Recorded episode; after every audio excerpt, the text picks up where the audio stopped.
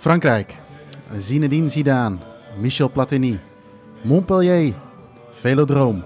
Maar ook Bernard Tapie en Giroud. In de jaren 70 en 80 prachtige shirts met grote sponsornamen erop. Zomaar een aantal dingen die mij aan het Franse voetbal doen denken. Maar is deze republiek het vergeten groundhopland in Europa? Ik zelf kom niet verder dan zeven vinks in het land van stokbrood, wijn en kanaar. Maar ik ben vermoedelijk ook niet de juiste graadmeter. Wie dat wel zijn? Martijn Swillens en Jean-Paul Rison.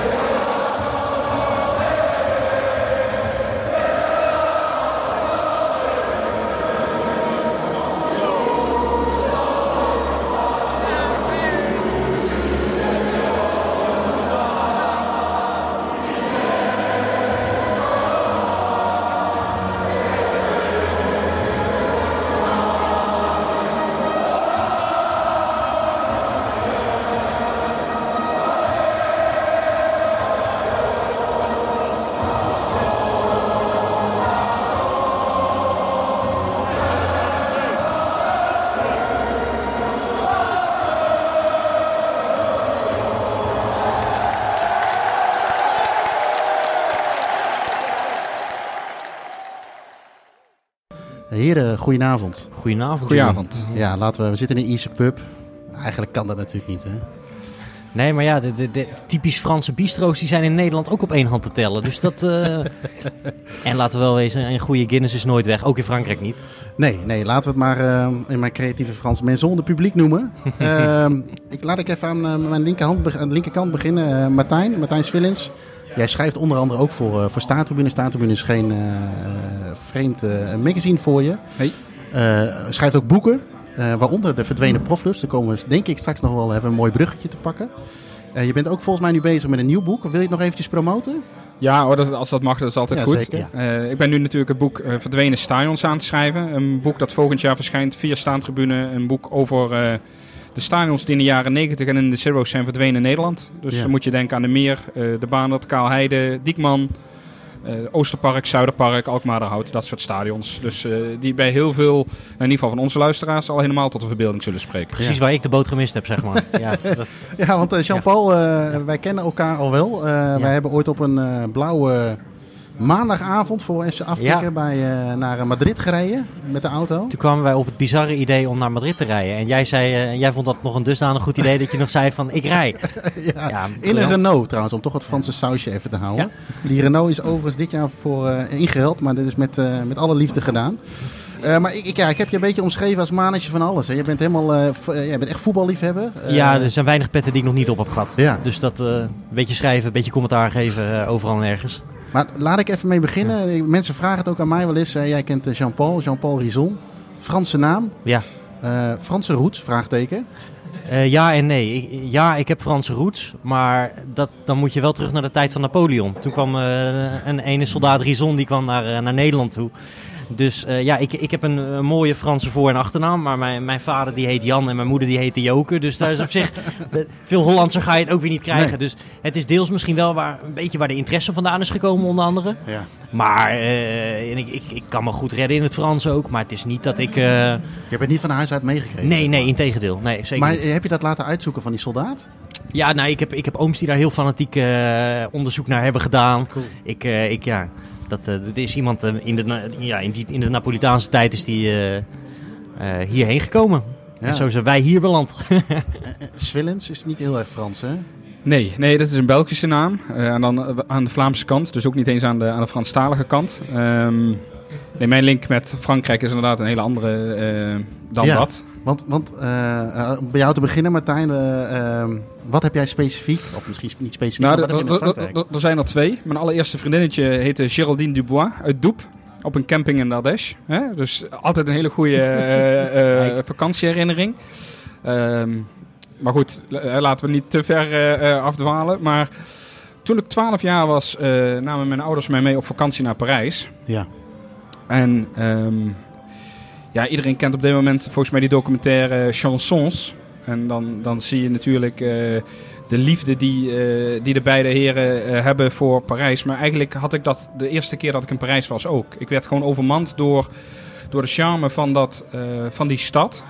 En vervolgens, als enorm groot voetballiefhebber, ja, dan koppel je heel snel 1 plus 1 is 2. En op dat, die, op dat moment had ik het idee dat Parijs nog maar één voetbalclub had. Hè. Daar kwam ik later natuurlijk eh, wel, wel achter dat het anders was. En dat was Paris Saint-Germain. En die ben ik dus ook vanaf de begin jaren 90 gaan volgen. En dan staan mij met name het elftal bij met WA in de spits en eh, Ginola eh aan de buitenkant. En min of meer heeft, heeft dat, dat de liefde voor het Franse voetbal doen laten opbloeien. Ja. Ehm, en heel specifiek een wedstrijd die Paris Saint-Germain thuis speelde tegen Real Madrid. Die ze nadat ze met 3-1 hadden verloren in de Bernabeu bij Real Madrid. De return thuis met 4-1 wonnen. 93, denk ik. Ja, 93 of 94. Ja. en daarna was ik verkocht. En daarna ben ik eigenlijk het Franse voetbal altijd blijven volgen. En later kwam daar mijn algemene liefde voor de lagere divisies wereldwijd eigenlijk voort. En ja, dan koppel je heel snel... eh, dan is 1 uh, plus 1 is 3, hè? Om het zo maar even zeker. te zeggen. Ja. En eh, Jean-Paul, ondanks dat jij eh, afstammeling bent van een, eh, een Franse soldaat. Ja, Jij noemde het net al, hè, of, eh, eh, misschien weten mensen het ook wel. Jij hebt eh, wel een voorliefde voor, eh, voor Paris, voor Paris Saint-Germain. ja, ja, ja. ja. Waar komt dat vandaan, behalve Ronnie Hansen? Ehm, ja, dat is dan weer een beetje voor mijn tijd zelfs. Maar eh, kijk, bij mij is het een beetje gekomen door je, je hebt allemaal het eerste toernooi wat je eh, bijblijft. Dat is het mooiste toernooi ooit. Nou, voor mij is dat het WK 98. Natuurlijk vanuit Nederlands perspectief een prachtig toernooi. Vanuit Frans perspectief een prachtig toernooi. Ja. Maar ik kan me nog herinneren dat ik, ik... Ik keek alles, maar ik was ook geïnteresseerd in die stadions. En ik keek, nou, ik was zeven jaar, weet je wel. Maar dat, dat sprak mij enorm tot de verbeelding. Waardoor ik dat altijd met Frankrijk een beetje heb gehouden. En verder ook het verhaal wat, wat Martijn zegt. eh, veel op vakantie naar Frankrijk. eh, op weg naar Frankrijk mocht ik altijd de route uitstippelen. Tenminste, we gingen gewoon voor dezelfde route. Maar dan zocht ik altijd op waar de stadions waren en of ik daar misschien iets van kon zien. Ja. Dat, dat weten sommige luisteraars misschien wel. Als je langs Metz rijdt, dan eh, kijk je zo het stadion in. Dat, Ja. Ze zijn nu aan het verbouwen, dus dat wordt anders helaas. En eh, Lyon van Gerland kon je een stukje zien. En eh, als je op de periferiek heb ik wel eens zitten zoeken. En toen kwamen wij in één keer onder een tunnel, of uit een tunnel. En toen kwamen wij dus onder het Parc des Princes vandaan. En dat, dat heeft zo'n indruk op mij gemaakt. Soms is de liefde voor iets, eh, hoe dat ontstaat, is iets heel triviaals. En Ja. dat blijft je als kind, blijf je dat bij. En dat, eh, dat is altijd ook zo gebleven. En ook door het programma Eurogoals, wat jullie ook eh, vast wel heel bekend is. Weet je wel. Dat- gekeken, ja, dat hebben we helemaal kapot gekeken op de maandagavond. En daar was, ja, het Franse voetbal was daar altijd erg belangrijk in. En dat is eh, ja, bij mij wel een beetje blijven hangen. Het is sowieso altijd wel mooi, want ik heb dat, eh, ik, ik heb dan eh, nog niet, zoals jullie het omschrijven met het Franse voetbal, dat, dat herken ik niet zo. Dat is niks negatiefs overigens. Maar ik heb wel bijvoorbeeld, wij, zijn ooit, wij gingen vroeger altijd wel op vakantie naar Frankrijk. En we zijn ooit een keer, wij gingen vaak niet verder dan Normandië, dus dan zit je al een beetje in het noorden. Eh, maar we zijn een keer een beetje richting Nantes geweest. Dat was voor ons al vrij ver met, de met, de met de caravan of met de, met de sleurhut. En toen, eh, bij mij is Nantes altijd een beetje blijven hangen. Sowieso, eh, ik ga nu iets gevaarlijks zeggen, maar groen-geel zie je in Nederland alleen bij Fortuna. Maar zie je volgens mij ook niet zo heel veel, die kleurencombinatie. Eh, maar dat is altijd een beetje blijven hangen. Dus zo blijf je dat natuurlijk een beetje volgen. Dat zal voor jou denk ik niet, eh, niet anders geweest zijn. Nee, absoluut. Ehm, nou, zoals eh, de, eh, de, eh, thema is nu Frankrijk. We hebben Italië gehad, we hebben Engeland gehad. Volgens mij hebben we Schotland en Duitsland gehad. eh, over het, ja, de groundtop. Het, het, het, alles behalve het spelletje zelf in Frankrijk. We hebben ook een hoop vragen van, van luisteraars binnengekregen. Via Twitter, via Instagram, via mail en allerlei andere communicatiemiddelen. Die zullen we ook eventjes gaan behandelen. Ehm, en op basis daarvan lopen we even een mooie lijstje door. Ik, zie jou goed. kijken. Jij wil iets zeggen? Of? Nee, nee, Oh, nee. je zit nee, een Ik ben gewoon in afwachting Ja, van wat er nu ja. komen gaat. ja, nu, komt, nu gaan we dat vuur eh, doen. Maar ehm, ja, goed, we hadden het net even over Paris, eh, Paris Saint-Germain en Jean-Paul. Ehm, en misschien ook voor jou, want jij kent Parijs ook goed, eh, Martijn. Eh, Joop via Twitter die stelde bijvoorbeeld de vraag van... eh, ja, welke stadions zijn naast Paris eh, in Parijs het bezoeken waard? Is, is bijvoorbeeld... eh, kijk, ik heb met Londen, vind ik een nou, voetbalstad misschien een beetje over. Maar Londen kun je heel veel voetbal zien. Je hebt Buenos Aires, je hebt Rome, eh, noem alle, alle steden maar op. Maar hoe zit dat met Parijs?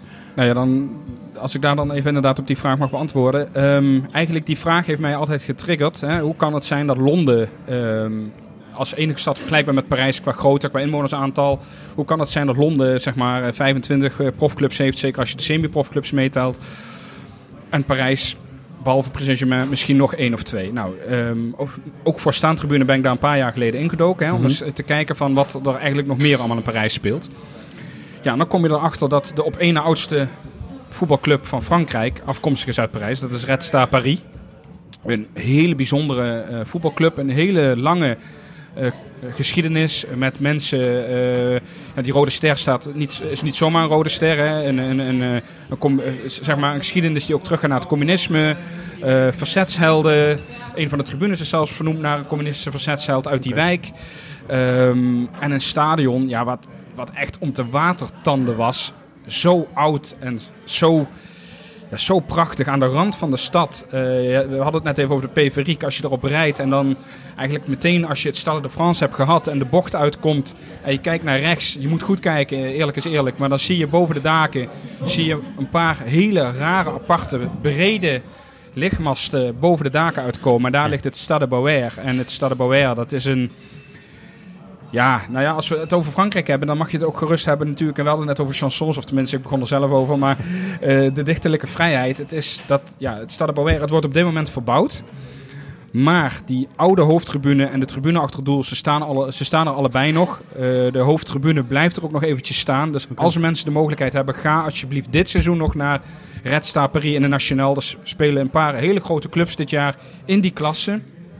Ehm, bovendien is het altijd met 2500, da- 2500 toeschouwers al Ze uitverkocht. spelen alleen niet elke keer meer in dat, in dat stadion. Dat vind ik wel heel jammer. Ze spelen heel veel bij Créteil. En dat, dat, is wel, dat haalt wel een hoop charme weg. Dat Ja. was ook toen ze in de Ligue 2 speelden. Toen Ja. gingen ze naar Beauvais. Dat is ook eh 50 kilometer Ja, en boven keer Parijs. ook naar het eh, Jean-Louis, eh, wat boven het, eh, wat boven het Parc de Princes ligt. Wat Oh ja. het, het rugbystadion is van, van, van Racing, dacht ik. Ja, weet je, dat, dat, dat haalt de jury wel een beetje af. Ze Ja. spelen nu nog in de amateurreeksen. En als ze dadelijk wel weer ooit mochten promoveren naar de Ligue 2, dan is het dermate vernieuwd dat ze daar wel eh, weer gaan spelen. Maar dat, ja, dat is een, echt een absolute aanrader. De tweede aanrader, of is niet een aanrader, maar een andere club in Parijs die behoorlijk aan de weg timmert, is Paris FC. Daar zit eh, een hele grote asfaltgigant uit Frankrijk. Eigenlijk, eh, ja, eigenlijk als je door de tolpoortjes komt, dan staat een, daar staat een merknaam boven die, boven die tolpoortjes in Frankrijk. Ik ik kan er even niet op komen. Maar dat, ja, Vici, Ja. dat is eh, inderdaad de grote eh, geldschieter van Paris FC. Ja. Eh, doen dit jaar ook echt mee om promotie eh, eh, naar Ligue 1. Maar de thuiswedstrijden van Paris FC, daar, ja, daar zitten maar 2000 mensen. Maar het Stade Charletti, met een ouderwetse atletiekbaan eromheen, is wel veel minder sfeervol dan, dan, dan het Stade Bauer. Wat daar wel heel leuk aan is, is Paris FC was in de jaren 70 eigenlijk voorbestemd om het antwoord te zijn op andere grote steden uit Frankrijk. Want in, in Parijs had je wat verzamelclubjes, maar geen van alle deed eigenlijk eh, recht aan de grandeur van Parijs. En geen serieus antwoord op de mooie clubs uit het zuiden, zoals Bordeaux en Marseille. En Ja. ook, ook Nantes natuurlijk uit het westen. En uiteindelijk is dat toch Paris Saint-Germain geworden. Eh, terwijl eerst Paris FC ging in het eh Parc des Princes eh, spelen. Ja, en, Pa- en Paris Saint-Germain als afsplitsing van Paris FC Ja, ook uiteindelijk nog, wel, ja. Ehm, dus, dat- dus dat. En dan heb je nog het, ehm, eh, wat in de volksmond bekend staat als het Stade Colombe. En daar speelde vroeger Racing Club de Paris in de jaren 70 en 80 ook nog een club die op het hoogste niveau heeft gespeeld. Eh, volgens mij zelfs, moet ik het helemaal goed zeggen, ook een Nederlander gespeeld. Sonny Siloy. Sonny Siloy. Oh, ja. het Toen nog zeggen. eh, Matra Racing eh, was het toen nog. Ja, eh, lichtblauw-wit of zo, en, toch? eh, in dat stadion heeft eh, Racing 92, dat is ook een, eh, een, ehm, de, rugby, de tweede rugbyclub van Parijs, heeft dat tot een paar jaar geleden nog gespeeld in het stadion. Maar dat stadion ligt er ook nog steeds en eh, ligt ook redelijk dicht bij het centrum. Dus als je in de stad bent en je wilt toch even die nostalgische, eh, dat, dat nostalgische gevoel krijgen, bezoek dat stadion ook vooral. Ja, en, en ook een Nederlandse link. Want daar speelde in 1969 speelde Ajax daar een, eh, een beslissingswedstrijd tegen Benfica. Ja. En eh, dat waren toen twee grootmachten. Dat was eh, Benfica met Eusebio Eusebio, nog, geloof ik. ja. Nou, Ajax natuurlijk bekend het jaar voordat ze, of twee jaar voordat ze de echte de, de, de Europa Cups aan één eh, regen. Ja. En daar hadden ze toen niet helemaal, hadden ze toen een beetje onderschat bij het eh, bepalen van de locatie. Want er wonen heel veel Portugezen in Frankrijk en in Parijs in het bijzonder. Dus Ajax speelde daar eigenlijk een uitwedstrijd. Maar ze wonnen hem wel. En daardoor is ook in eh, de, de wijk Meerzicht in Amsterdam, waar ze waar meerdere stadions een, eh, een naam hebben gekregen. Enfield Road heb je daar en je hebt het eh, Delle Alpi. Maar je hebt daar dus ook inderdaad de, de straat Stade de Colombe. Ja, ja. En dat, dat, dat komt dus daar vandaan. Kleine correctie, het stadion van Liverpool heet natuurlijk Enfield. Ja, Voordat maar ik, die eh, straat heet ja, dus Enfield Road. ja. Dat, Ja. is het stomme Ja. eraan. Maar dus eigenlijk is het wel zo dat je eigenlijk een, een lang weekend naar Parijs kunt gaan. En je kunt daar gewoon lost grounds, eh, eh, verlaten stadions, eh, eh, eh, ook wedstrijden kijken. Het blijft niet alleen bij Paris en, en Red Star Nou, bijvoorbeeld. nou, nou, sterker nog, het, het voordeel van eh, Ligue 2 en de Nationale is dat, dat die wedstrijden ook op vrijdagavond zijn. En de en Paris altijd op zondag, meestal soms op zaterdag speelt. Ja. En, en dan heb je ook nog een club Cretel, hè, werd net al even genoemd, omdat Red Star daar wel eens speelt. Dat is eigenlijk ook gewoon een. Het is de laatste halte van, van de metro, eh Cretel Université. Oké. Ik heb hem zelf ooit genomen toen ik een vakbeurs had eh, in Parijs in het hotel zat. Ja, dan kijk je toch, eh, wat is er die avond te doen? Ja, dan kun je inderdaad in een leuk in een bistrootje in het centrum gaan zitten. maar je kan ook inderdaad eh, de metro naar eh Cretel Université pakken, uitstappen en dan samen met 600 andere mensen gaan zitten kijken naar, ehm naar Cretel tegen Po in mijn geval. Ik, ik, ehm, een reactie op die vraag van, eh, van Joop was eh, van Gosling. Ook volgens mij uit dezelfde... Eh, komt ook uit Kuik, net als ik. ja, ik, ik wilde niet direct je woonplaats noemen, dat mensen jou is kunnen geen, is, opzoeken. is geen maar- probleem, is geen probleem. adres, telefoonnummer, nee. Maar die had het over Stade Emile Antoine met een fantastische backdrop. Ja, nou, Gosling is ehm, is scheidsrechter bij de amateurs. Ja.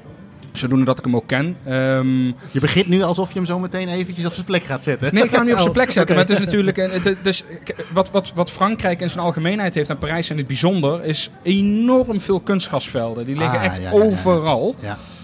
En één hele mooie, of be- beter gezegd twee he- hele mooie. ehm, de mensen die wel eens de Eiffeltoren in Parijs hebben bezocht. die stappen uit bij metrostation Birakeim.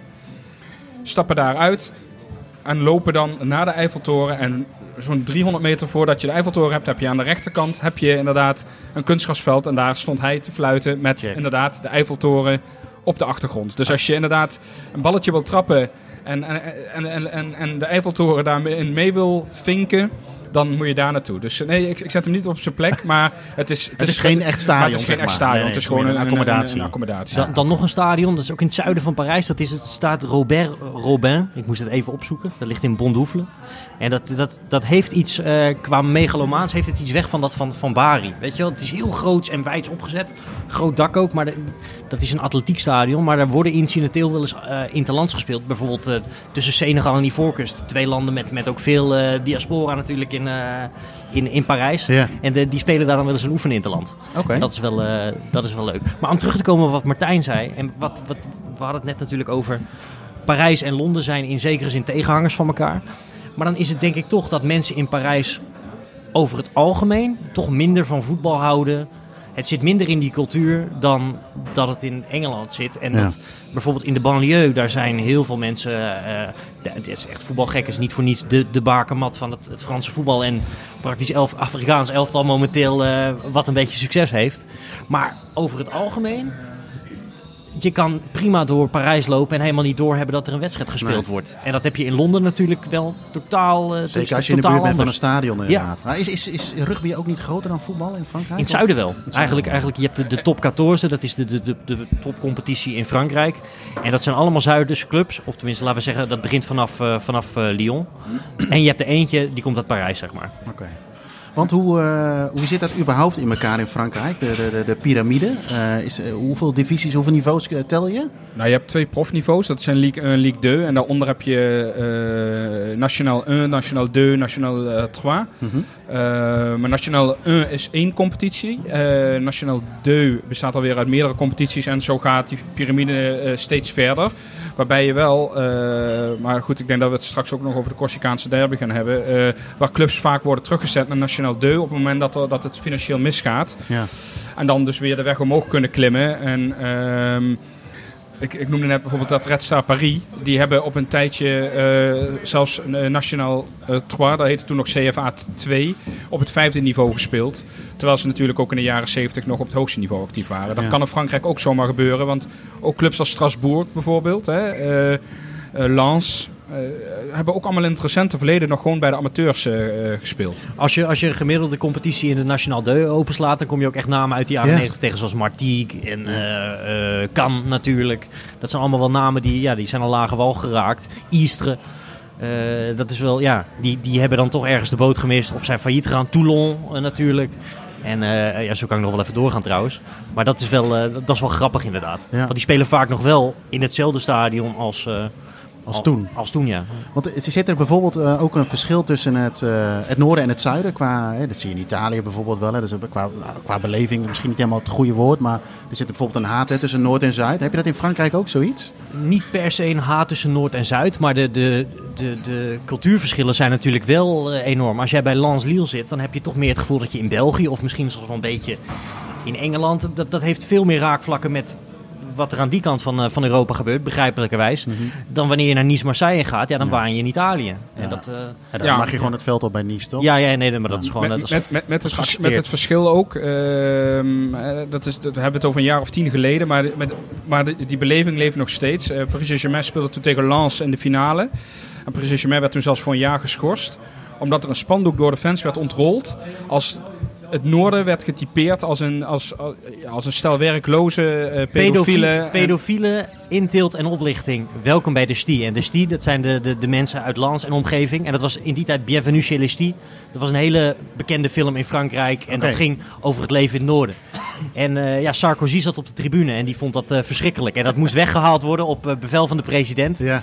En daar is eigenlijk alle ellende met de harde kern van Paris Saint-Germain begonnen. Maar de, de reden, nou ja, zeker is dat zo. Eh, nou, we herinneren het ook ons allebei. Maar ehm, de reden dat ik het ook zeg is omdat dat stukje Noord-Frankrijk, en dan heb je Duinkerken, Lille, Lens, Valenciennes, een gebied is. ehm, wat van oudsher heel sterk in het voetbal is geweest. Hè? Ja. Ik bedoel, daar ligt ook de stad Roubaix, hè, wat vroeger ook een grootheid in het Franse voetbal was. Maar het is, eh, iedereen kent natuurlijk ook het Stade Velodrome, hè, waar vroeger ook Ro- Roubaix, of trouwens nog steeds Roubaix voetbalt. Maar iedereen kent het van de finish van Parijs-Roubaix. Ehm, dat, dat gebied, daar, Lille is een publiekstrekker hè, in, in Ligue 1. Racing, of, eh, Racing Club de Lens is een publiekstrekker. Eh, toen ze in Nationaal speelden zaten er 30.000 mensen. Toen ze in Ligue 2 speelden 35.000 mensen. Nu zitten er weer 40.000 mensen. Eh, het zijn wel clubs die heel erg populair zijn. Duinkerken, Valenciennes is dat wel minder. Maar goed, ook die spelen wel in de professionele reeksen. Dus het zegt wel iets even over dat gebied. Dat stukje Noord-Frankrijk. hoe incestueus het ook mag zijn. Het is wel, het is wel een gebied waar, wat wel heel populair is. En als je bijvoorbeeld inderdaad verder naar het zuiden gaat. En dan het echte zuiden is wat anders. Maar als je richting Bordeaux, Toulouse gaat. Ja, daar merk je dat bijvoorbeeld in die steden rugby... eh, Toulouse al helemaal... eh, eh, rugby groter is. Maar als- je nog verder naar het zuiden gaat, is dat al helemaal het geval. Je hebt. Perpignan, Biarritz, Montpellier. Dat zijn echte rugbybolwerken. Ja. Eh, Perpignan bijvoorbeeld kwam het vorig jaar heel ver in de beker, hè, eh, eh, in de Coupe de France. Maar dat stadion wat gebruikt werd, daar speelt de rugbyclub van Perpignan elke week voor 15.000 tot 20.000 mensen. En toevallig die, die en het was ook nog corona, maar dat, ja, die, die, die voetbalclub uit Perpignan, die trekt nog geen 800, 900 mensen gemiddeld. Dat heb je eigenlijk in Toulon ook. Hè. Toulon kennen we natuurlijk uit de jaren 80, 90 nog. Eh, Peter Bos onder andere Ja. nog gespeeld. Maar de, de rugbyclub van Toulon is het, eh, het Barcelona van, eh, van Europa, Van zeg Europa, maar. Dat is, dat is eh, echt het, het continentale antwoord op Engelse en Ierse grootmachten, weet je wel. Ja. Hey, jullie noemden net even Lille. Eh, ik maak even een eh, sprongetje naar een vraag van eh, een van, eh, van de luisteraars. Bas Mouter, als ik het goed mag uitspreken via Twitter. Die eh, gaat op eh, 20 oktober naar Lille Sevilla. Eh, wat kunnen jullie hem aanraden? Stad of tips van over Lille? Ja, nou ja, er zijn wel wat dingetjes. Eh, Moet ik, moet ik eerst zeggen, Lille had vroeger echt een fantastisch stadion. Het staat de Grimont-Pré-Joris. Dat lag in Hartjestad, lag onder de Citadel. Ieder- Eh, iedereen die trouwens op vakantie ging, of in ieder geval vi- vi- via Kortrijk de grens overgingen langs Lille of kwam, heeft dat stadion altijd gezien. Want dat lag direct aan de snelweg, het oude da- stadion. Dat is, het, eh, dat is het Stadion Noord. En daar gingen ze daarna naartoe. Want dat staat Grimont-Pré-Joris, lag Hartjestad. En daar zou een nieuw stadion voor komen. En dat was prachtig. Dat was aan drie kanten had het een dak. En aan de, aan, een, aan de kopse kant, zal ik maar even zeggen, daar hadden ze dus één onoverdekte tribune en die liep helemaal omhoog. Ja. En dat verdween. En toen zouden ze een paar jaar in het atletiekstadion van, eh, van Lille, of eigenlijk Villeneuve-d'Ascq, eh, aan de rand van de stad, dat is waar jij het over hebt, eh, gaan spelen. Alleen toen kwam daar een stadiondossier waar ze in Rotterdam nog een puntje aan kunnen zuigen. En uiteindelijk hebben ze daar geloof ik acht, negen jaar gespeeld. In een stadion, onoverdekt. Eh, misschien ben jij er wel geweest Ja, met PSV, denk ja, ik. 2-2. Ja, On- on- ongelofelijke 2-2 overigens, maar goed, ga door. 2-0 2-2 Ja, dacht ik hè. Uit het niets. En, en ze hebben daar gespeeld. En waar je normaal zegt van, oh jammer, een nieuw stadion misschien, weet je wel. Was dat voor Lille echt een zegen. Want dat heeft echt die club in zekere zin wel een beetje eh, gered. Want dat stadion in Hartjestad is er nooit meer gekomen. En eh, ja, daar is ook niks meer van terug te vinden op één ding na. Daar stond namelijk een monument voor eh, monsieur Henri Joris. Dat was een, eh, een man die echt wel bij heeft gedragen aan de professionalisering in het, in het Franse voetbal. En dat stond recht voor de hoofdingang van het stadion. En het stadion is verdwenen, maar dat monument heeft niemand weggehaald, heeft niemand verplaatst naar het nieuwe stadion. Dat staat daar dus nog steeds, eigenlijk in een beetje een overwoekerd deel van het, eh, van het park. Ja, dat is wel, wel een beetje voor de echte eh, de, de, de voetbalautist, zeg ik maar even. Ja. Maar dat ben ik en dat Ja. zijn wij allemaal wel een beetje, denk ik. Dus daar, eh, daar moet je wel even gaan kijken. En inderdaad, dat Stadium Noord, dat ligt eigenlijk vlakbij het huidige Stade Pierre-Mauroy eh, van, eh, van Lille. Ja, dat moet je eigenlijk ook wel even bezoeken, vind ik. Wordt daar nu nog wat gedaan trouwens in het stadion? Atletiek, het tweede speelt er, geloof ik. Ik weet niet of ze altijd spelen. En het is ook een beetje de uitwijklocatie van. Als er nou een, een club in Noord-Frankrijk is, die, eh, of in die regio, die een keer twee bekerrondes verder komt, dan wordt dat daar gespeeld. Want dan zijn de thuisfaciliteiten niet meer eh, toereikend om dat eh, in, eigen, in eigen huis te doen. En dan kom je daar terecht. En het, het heeft volgens mij ook nog wel, tenminste, waar ik me er een beetje van kan herinneren, ook nog wel een aardig centrum volgens mij, toch? Ja, want dat is natuurlijk eigenlijk het, de, was waarschijnlijk waar de vraag ook op gedoeld werd. Het heeft een heel oud citadel. Een, een, een, het heeft een relatief klein centrum voor een stad die eigenlijk met de agglomeratie erbij bijna wel een miljoen Loopt heel inwoners ver heeft. uit, hè? Ja. Ehm, ja, het is eh, een, een jaar of wat geleden ook eh, de, de culturele hoofdstad van Europa geweest. Dus die stad is ook helemaal opgeknapt. Eh, en is, daar is ook veel geïnvesteerd in de, in de infrastructuur. Ja. Dus het is wel de moeite waard om daar de hele dag... eh, want het is volgens mij een, een wedstrijd in de Champions League. Dus je kan daar goed overdag je goed toeven. Ja. En het leuke is daar dat... ehm er ligt natuurlijk, kijk, je hebt de Franse keuken en je hebt de Franse keuken. Maar met name in Noord-Frankrijk Ja. Valenciennes weet ik het van. Lille, waar ik in het oude stadion eh, aan de snelweg ook nog ben geweest, een jaar of acht, negen geleden. Daar heb je gewoon nog broodjes frikandel. Oh, echt? Dat klinkt heel stom, want want wat moet je nou met een broodje frikandel? Maar dat zijn de enige plekken in Frankrijk waar je gewoon een, een broodje friet, een stokbrood met friet en daarop twee frikandellen, Ja. dichtgeknepen, kan bestellen. Ja. Ja, dat, dat, klinkt heel stom, maar dat, dat- kijk, als je naar Spanje gaat is het heel normaal, hè, een broodje frikandel. Ja. Maar in Frankrijk kun je dat nergens anders vinden, behalve bij. Lille en Valenciennes. Ah, Oké. Eh, over Lille gesproken trouwens. Eh, eh, Stan van je Instagram die vroeg ons van... Jean-Paul, ik zie va- vaak op Twitter dat jij met de trein naar de Franse duels gaat. Daar zal Lille er misschien één van kunnen zijn. Hè? Want het is natuurlijk voor ons niet zo heel ver weg. Het Ja. zou je op een dag kunnen doen. Dat hebben wij met Lille toen ook gedaan. Eh, is dat aan te raden om met openbaar vervoer richting het noorden van Frankrijk te gaan? Eh, het noorden van Frankrijk, dan zou ik toch wel aanraden om een, eh, om een nachtje te blijven slapen. Vroeger ging er een, een, rechtstreeks TGV vanuit Amsterdam naar Lille. Die is afgeschaft, ik geloof aan het begin van corona. Want ik weet dat Ajax is daar nog voor de Champions League wedstrijd eh, met de trein naartoe gegaan. Ja. Want dat was, eh, dat was, eh, ja, het was natuurlijk eh, ecologisch verstandiger. En, en, ja, maar het is ook gewoon sneller dan Ja. met de bus. Ja. Ehm, dus met de trein naar Frankrijk zou ik niet per se doen. Of je moet inderdaad de Thalys naar Parijs pakken. Maar het is binnen Frankrijk wel een fantastisch vervoersmiddel. Want ik was voor de halve finale van het EK was ik, in Marseille. En uiteindelijk ging ik naar de finale in Parijs. Ja, dat is drie uurtjes met de TGV. En met de auto is dat 7, 8 uur. Dus dat is wel... Dat maakt het wel, eh, En is wel ook goed. betaalbaar? Ja, als je dat een beetje op tijd boekt, is dat allemaal goed te doen. Ja. Het is een beetje hetzelfde als een soort van Engeland. Als je gewoon vroeg genoeg boekt, ja. dan, eh, dan is dat goed te doen. Heb jij, heb jij die ervaring ook? Of heb jij veel met de auto gedaan? Nou, ik heb veel met de auto gedaan. ehm, maar het is ook nog eens een keer zo. En dat, maar goed, ik, wo- ik woon in Brabant. Hè. Ehm, scheelt al twee uur. nou, het scheelt al twee uur. Maar als je vanaf, eh, bereid bent om vanaf Charleroi te vliegen...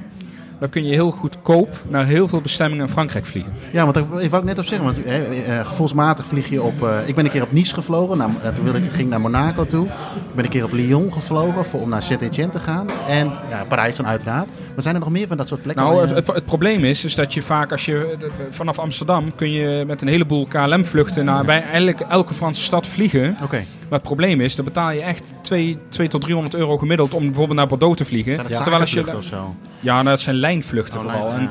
Terwijl als je dus vanaf Charleroi boekt, ik weet even niet zo de, de maatschappij, ehm, maar als je vanaf, vanaf Charleroi vliegt, eh, dan kun je... Veel? Ryanair ook.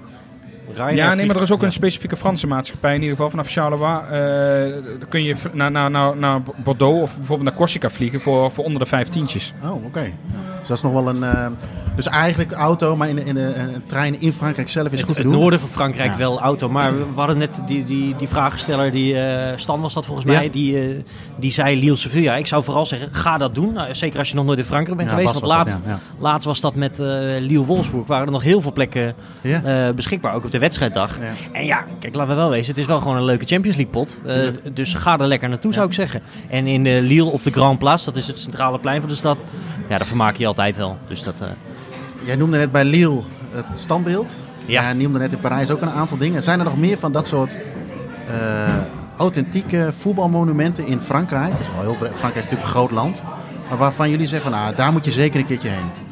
Nou, er echt authentieke voetbalmonumenten zijn er misschien wat minder. Maar er zijn wel heel veel pl- plekken in het dagelijks leven en bijzondere plekken voor een stad die een voetbalgeschiedenis hebben. Dan denk ik bijvoorbeeld in Marseille. Daar heb je de Notre-Dame de la Garde. Dat is een, een, een kerk die, die staat eigenlijk op een rots van een meter of honderd hoog. En die torent boven de stad uit. Dat is het herkenningspunt eh, van Marseille. En nou, dat is, dat is A, hartstikke mooi. Weet je Ja. wel, gewoon eh, puur cultureel gezien is het heel verantwoord om daar even naartoe te gaan. Want je hebt er een prachtig uitzicht vandaan. Ook over het Stade Velodrome trouwens. Maar als je dan een beetje de geschiedenis van die kerk eh, nagaat. In 93 won Marseille de eh, eerste Champions League in de vorm zoals we die nu een beetje kennen. En dus vlak voordat ze naar München gingen voor die finale, is dus de hele selectie daar eigenlijk een kruisje gaan slaan en een kaarsje gaan branden. Ehm, en daar zaten moslims tussen, daar zaten orthodoxe Russen eh, bij, weet je wel. Ja. Maar iedereen ging daar een kaarsje branden op de goede afloop. Nou ja, kijk, we kunnen niet zeggen dat het niet geholpen heeft, want ze wonnen hem. Nee. En, en dat is ook mooi, in die, als je in die kerk komt, dan hangen daar heel veel dingen, eh, kerkelijke schilderijen, eh, de, de geboorte van Jezus bij wijze van spreken, daar, daar allerlei kunst van honderden jaren oud.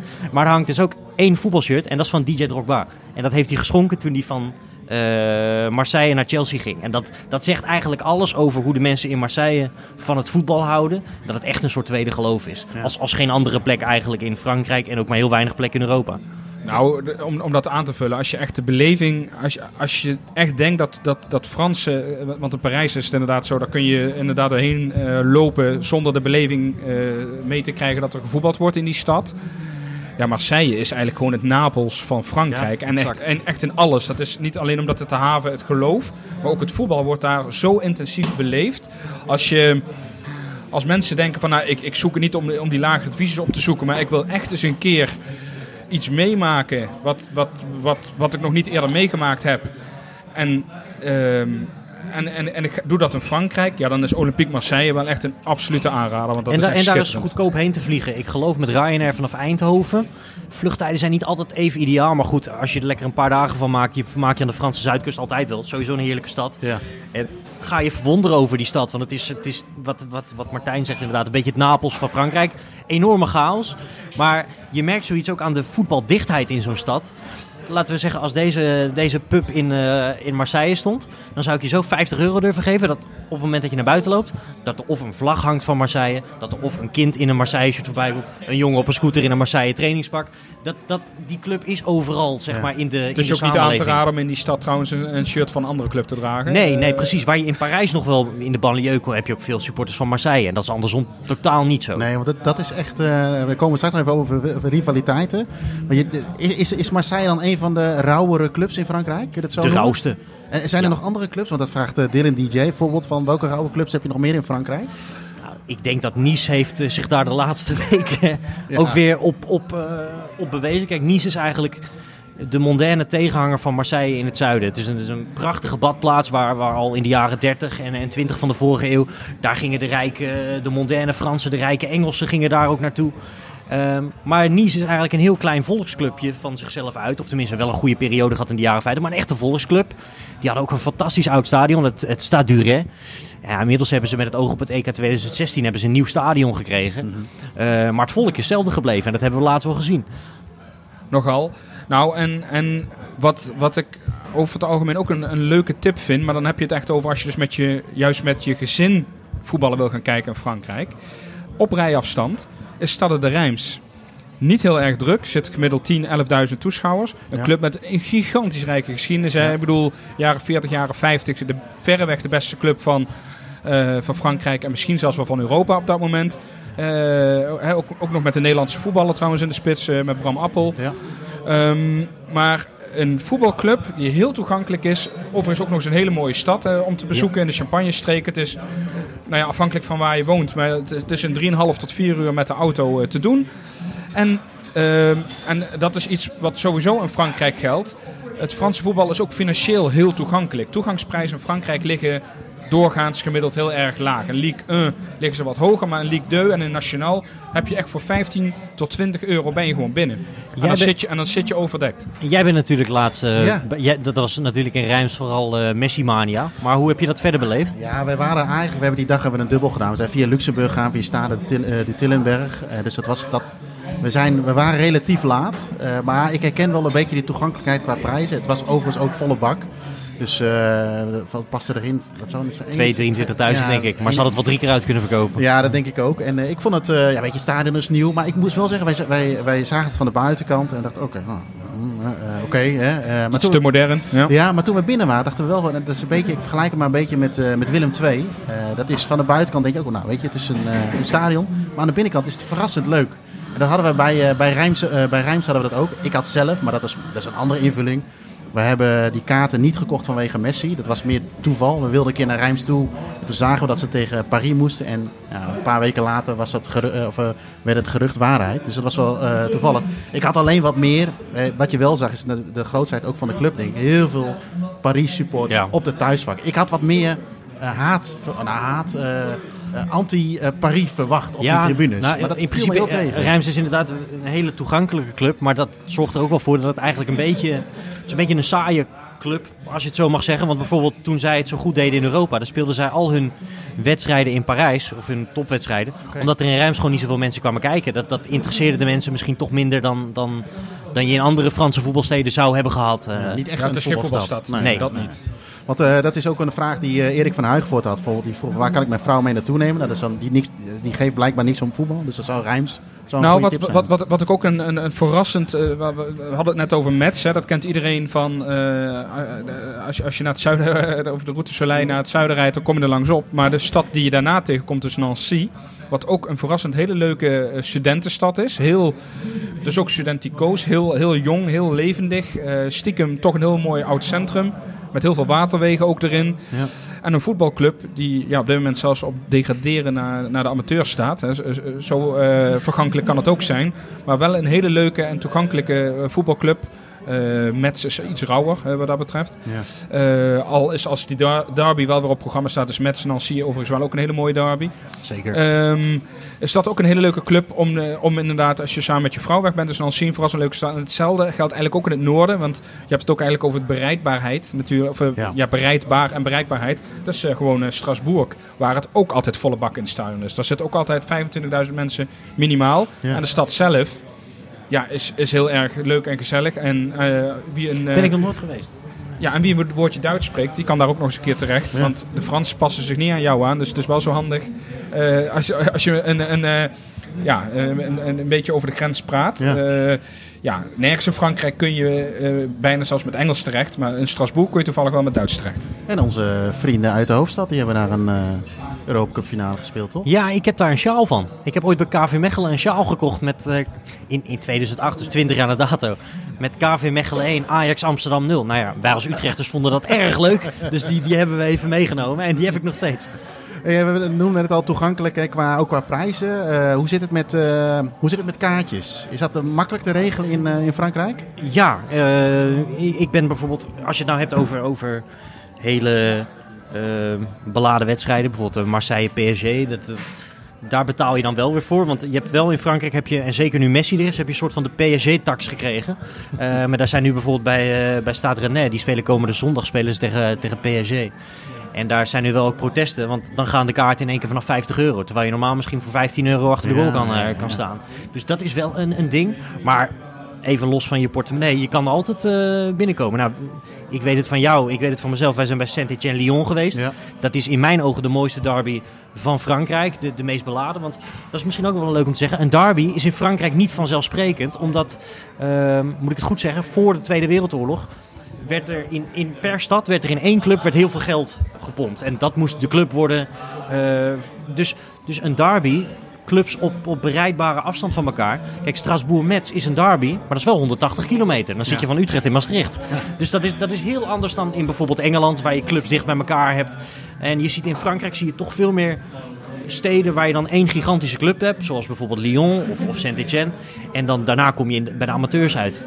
De stadsderbies zijn sowieso redelijk uit den boze, eh, op een enkeling na. Eh, je hebt het in Parijs, zou je het kunnen krijgen inderdaad met Paris FC.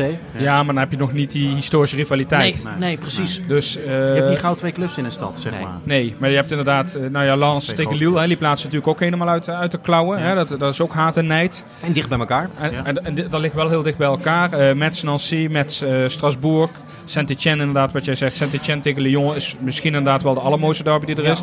En Marseille Saint-Germain is eigenlijk meer het Feyenoord-Ajax. Ja. Eh, en ja, voor de supporters van Nice was in één keer ook Olympique Marseille gehaat. Maar dat is niet iets wat, als je het eh, hebt over zeg maar El Clasico's van Frankrijk, was dat er niet van oudsher eentje die er tussen die dat zijn meer de steden ook. Een rivaliteit tussen, tussen steden. Ja. Een beetje de, wat ik net zei, de, de tegenhangers van elkaar. En voor Nice speelt eigenlijk meer de derby tegen Monaco. Wat maar 15 kilometer rijden Ja, is. ja. En wij kennen natuurlijk Monaco totaal niet als een club eh, waar dat heel erg leeft. Tot ze tegen Nice spelen, want dan, dan loopt het daar best wel redelijk vol. eh, en dan is daar ook wel rivaliteit, want Monaco heeft ook heel veel fans natuurlijk in het Franse gebied eromheen. Die komen echt niet allemaal zelf uit, uit Monaco. Dus, eh, dus dat is ook wel een leuke. Maar Saint-Étienne-Lyon is wat mij betreft de mooiste. En Ja. om terug te komen op de vraag, daar kan je gewoon kaarten voor komen. Hij Ja. staat eh, toevallig komende zondag eh, op de planning. Dus als iemand zich nog verveelt, dan kan je er nog naartoe. Ja, wij, wij- zijn toen gevlogen op Lyon, een autootje gehuurd. En het was, eh ja, pin me er niet op vast, al- een uurtje, dik uurtje rijden, anderhalf uur, zoiets? Nee, nog niet. Ja, Nog eh, niet eens. Uurtje, Minder drie kwartier. Ja. Sowieso is Saint-Etienne wel een aanrader, ook als ze niet tegen Lyon spelen. Absoluut. Ja. Ja, Ja, fantastische club. Ja, het is alleen al die shirt. Hè, ik zei het in de intro al, die shirts van vroeger al, hè, met, dat, eh, met dat mooie groen. Ehm, en inderdaad, het is veel, je kunt veel online kopen. Hè. Rijms hebben wij online ook gedaan. Daar hebben we echt niet eh, veel moeilijk over gedaan. Saint-Etienne, Lyon, precies hetzelfde. Je kunt, wij hebben toen bij Saint-Etienne, Lyon, omdat we nog niet zoveel ervaring hadden met Frankrijk, hebben we van tevoren zo'n ehm, clubkaart aangeschaft. Kost je een keer 15 euro extra. Kon je drie kaarten ophalen. Nou, koop je er twee, heb je er vier of vijf. Dus dat zijn ook nog wel mogelijk. Maar veel is online al wel mogelijk. Voor, voor 95% van de wedstrijden kun je makkelijk aan kaarten komen online. En ik zou zeggen voor 80% van de wedstrijden ook nog wel gewoon op de wedstrijddag aan het, aan het stadion. Want Ja, voetbal is in weten. Frankrijk eh, het- het het is populair. Maar het is, het is niet per se een heel erg stadion-minded land. Dat het zeg maar elke week een uitverkocht huis is. Zoals je bijvoorbeeld in de Bundesliga eh, kent of in Engeland. Ja. Want ehm, even terug naar die derbies. We hebben er net al een paar genoemd. Zijn er ook wat eh, voor de, eh, de algemene luisteraar, zeg maar, derbies waarvan jullie zeggen van, nou, daar moet je een keer heen. Volgens mij, ik denk dat jij er zo meteen wel eentje komt. Maar Ja. laten we even bij Martijn beginnen. Zijn er, heb jij nog, nog aanraders daarvoor? Ehm, Misschien wat lager niveau? Of... Nou ja, op een, op, op een lager niveau. ehm, nou ja, als hij weer is, ehm, is het toch Red Star tegen Paris FC. Want dat is dus wel haat en nijd. Dat- Ja. Dat is heel erg grappig. Hè? Eh, eh, die wordt overigens ook eh, El Classique genoemd in Parijs zelf. Dat, dat is ook El, El Clasico. Ja. Ehm, en het grappige is, eh, dat, komt, dat komt omdat Paris FC wordt gezien als de club van het grote geld. Hè?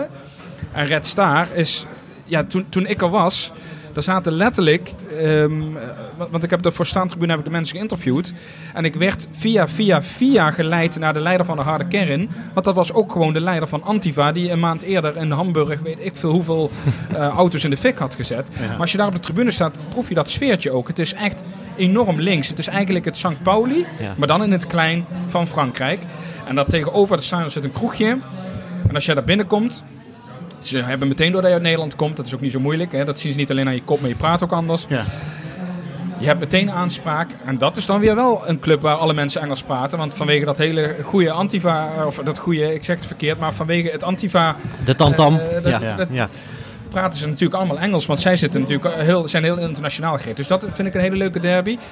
En toch ook wel een derby die ik wil aanstippen. ehm, is, is Lens tegen Lille. Dat is toch ook echt wel eentje om, om een keer mee te pakken. Sowieso is Lens een hele erg mooie, een mooie club om mee te pakken. Ja, prachtige kleurencombinatie. Maar zeker als ze tegen Lille, eh, tegen Lille eh, spelen, ja, dan eh, komt er nog net wat extra's los in, En de, in die stad. de- dat heeft met streek, de streek te maken of heeft dat een andere achtergrond?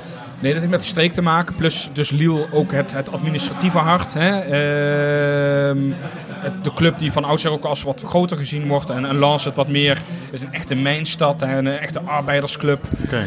En dat, daar zit voetbal echt in de DNA. Hè. Ik bedoel, dat is wel een club waar iedereen die opgroeit, daar, word je niet voor een andere club. Als je daar gewoon opgroeit, een Lens, wat eigenlijk maar een hele En- saaie provinciestad van zichzelf Ja, is. dat inderdaad. Er is Daar niks te beleven. Als dat voetbal daar wegvalt, blijft er niks van over. Je hebt er nu een dependance van het Louvre, maar dat, daar, als je het nou hebt over steden waar je je vrouw mee naartoe kan nemen, nou niet naar Lens, want dan, dan heb je binnen vijf minuten eh, heb je oorlog. Ja. En terecht. Ja. Ja, precies. Maar als je, als je, ja, nou ja, nou ja dat. Ehm, maar dat, ja, dat is echt een aanrader. Ja, en er is natuurlijk nog een andere aanrader, maar daar ga jij dadelijk ongetwijfeld over hebben. Ja, nee, nee, als we het nog even over onbekenden hebben, dan, dan had je vorig jaar had je Montpellier Nîmes. En die was echt fantastisch. En dat was eigenlijk een beetje onverwacht voor de rest van Frankrijk en de rest van de wereld. Ja. Want die speelden niet zo vaak in dezelfde afdeling. Maar dat is ook maar Ja, het is, de- afstand, daar wil ik vanaf zijn, maar eh, een kilometer of 50 eh, of eh, een minuut of 20 met de trein. Ja. En eh, dat liep ook twee keer volledig de klauwen. dat ja, mag natuurlijk niet, maar hey, Ja, eh, maar een beetje het, vermaak vinden we ook wel grappig Een randje mag erbij zitten. Precies, toch? precies. En dat, dat zat dus wel heel diep in elkaar. En ja, dan komen we toch op de wedstrijd van afgelopen weekend. Het is eigenlijk niet echt Frankrijk, vinden ze daar, maar dat is, dat is Corsica en dat is eh, Bastia Ajaccio. Ja, want eh, Jean-Paul, vertel eens je verhaal. Jij hebt iets met... Ja, nou, ik ben daar ooit eh, in terechtgekomen doordat eh, andere gasten die ik ken, die waren aandeelhouder geworden bij Real Murcia. Ja. Want dat was ook helemaal een lager wal geraakt. En ik vond dat zo grappig dat zij dat een beetje volgden en zo.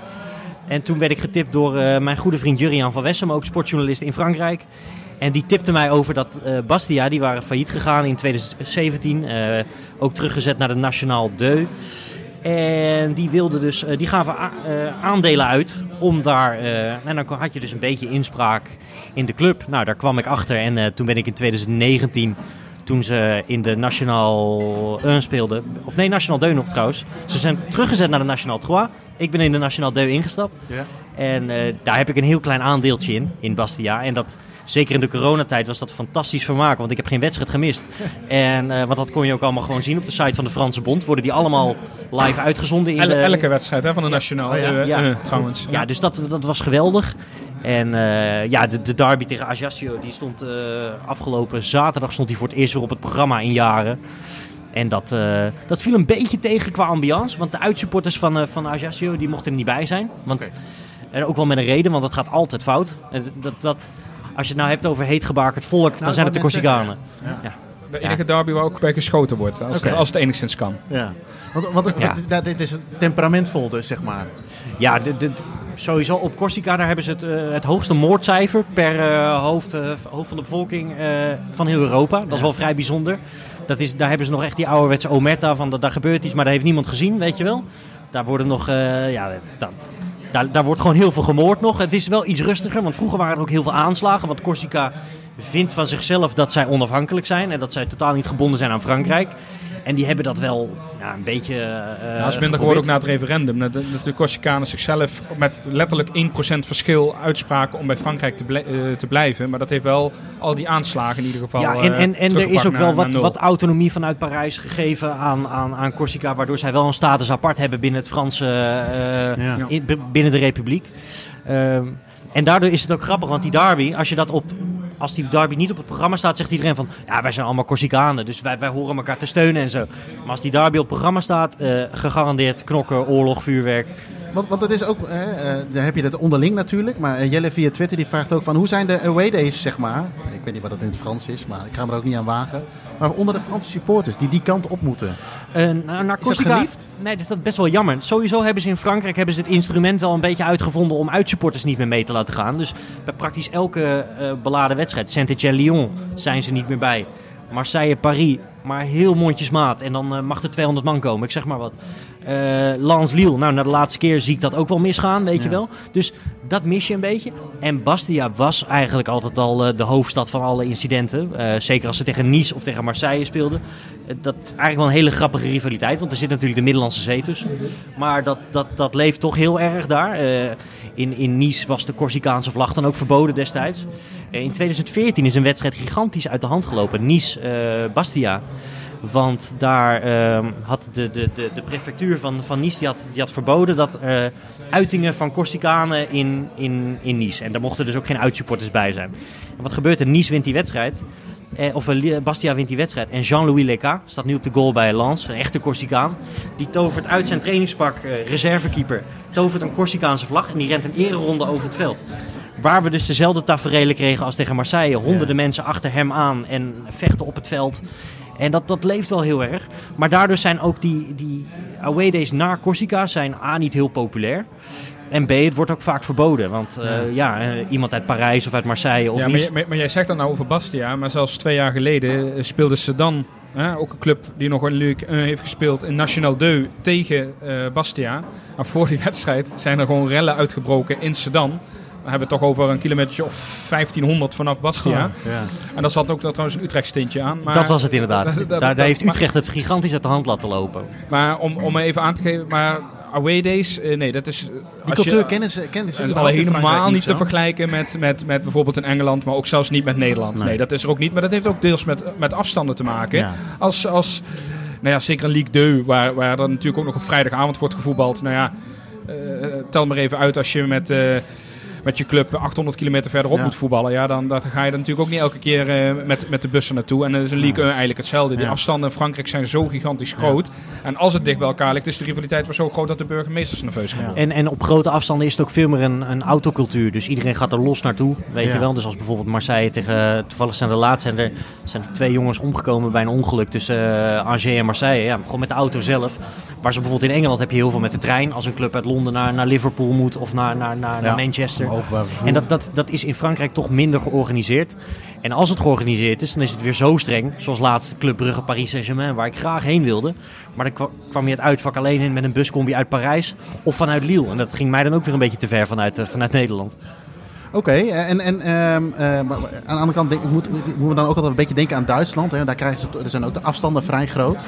En daar krijgen ze het op een of andere manier toch wel allemaal wel, voor elkaar. Hè. Dat er ook uitsupporters mogen. Maar dat heeft ook met, met beleid te maken. En daar hoeven we het ook nu niet per se over te hebben. En altijd op zaterdagmiddag. Ah, Wist je niet? Dat scheelt inderdaad ook.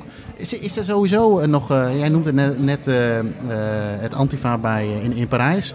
Is, is er, zijn er clubs met een echt een politieke inmenging? Eh, nou, je hebt het bij PSG heb je het gehad en dat ging ook mis. Want daar had je dus extreem links tegen extreem rechts. Ja. En dat was, bij elke uitwedstrijd was dat vechten in het uitvak. tussen eh, Bologna Boys en... eh, En, en, en de, de, de, de mannen van de Virage Hotel. En als je dan, dat is toen ook helemaal misgegaan. En daar is ook een dode bij gevallen. Bij rellen vooraf eh, gaat aan een, eh, een wedstrijd tegen Marseille. Waarop ook allebei die groeperingen verboden zijn. En daardoor heb je 7, 8 jaar in Parc des Princes heb je geen ultras gehad. Dat was eigenlijk een hele... Eigenlijk precies het beeld wat mensen van Paris Saint-Germain hebben. Dat waren zij ook op dat moment. Een, bioscoopclub en alleen maar een beetje, beetje maar, klappen. in, maar in de jaren negentig was dat echt een club met een hele grote harde kern en een hele fanatieke aanhang ook. Ja. Maar En gewoon één aanhang. Geen, gewoon, niet, niet gewoon één blok. Nee, ja, en nee, niet, ja, eh, nee, dus, nee, ja maar twee dus, dus ook wel, blokken. wel, wel Ja. meerdere Ja. groepjes. Ja. Ehm, maar echt met een politieke kleur, nee, is, nou ja, Red Star misschien nog wel de meest uitgesproken. Eh, en dan heb je het echt over extreem links. Extreem rechts heb je sowieso natuurlijk wel wat meer een opkomst van Frankrijk, maar dat is niet, dat is niet heel specifiek aan één club eh, toe te wijzen, dat niet. Je hebt wel bijvoorbeeld, Marseille heeft niet per se, per se een, een hele politieke kleur, zou je kunnen zeggen. Maar dat is bijvoorbeeld wel heel multicultureel. Want Ja. dat- daar kwamen vroeger altijd de boten aan vanuit de koloniën. En ja, eh, een havenstad. En daar in Marseille wonen heel veel immigranten eh, uit Italië van vroeger. Maar ook eh, uit Senegal, uit, uit Noord-Afrika, de Algerijnen en zo. Dus dat, dat, dat zegt dan vaak ook wel wat een beetje over... Daar zal je niet gauw extreem rechts eh, vinden, zeg maar. Nee, maar dat geeft verklaart ook wel meteen het Italiaanse, Turk, bijna een Turks sfeertje op Ja. de tribune staan. Ja.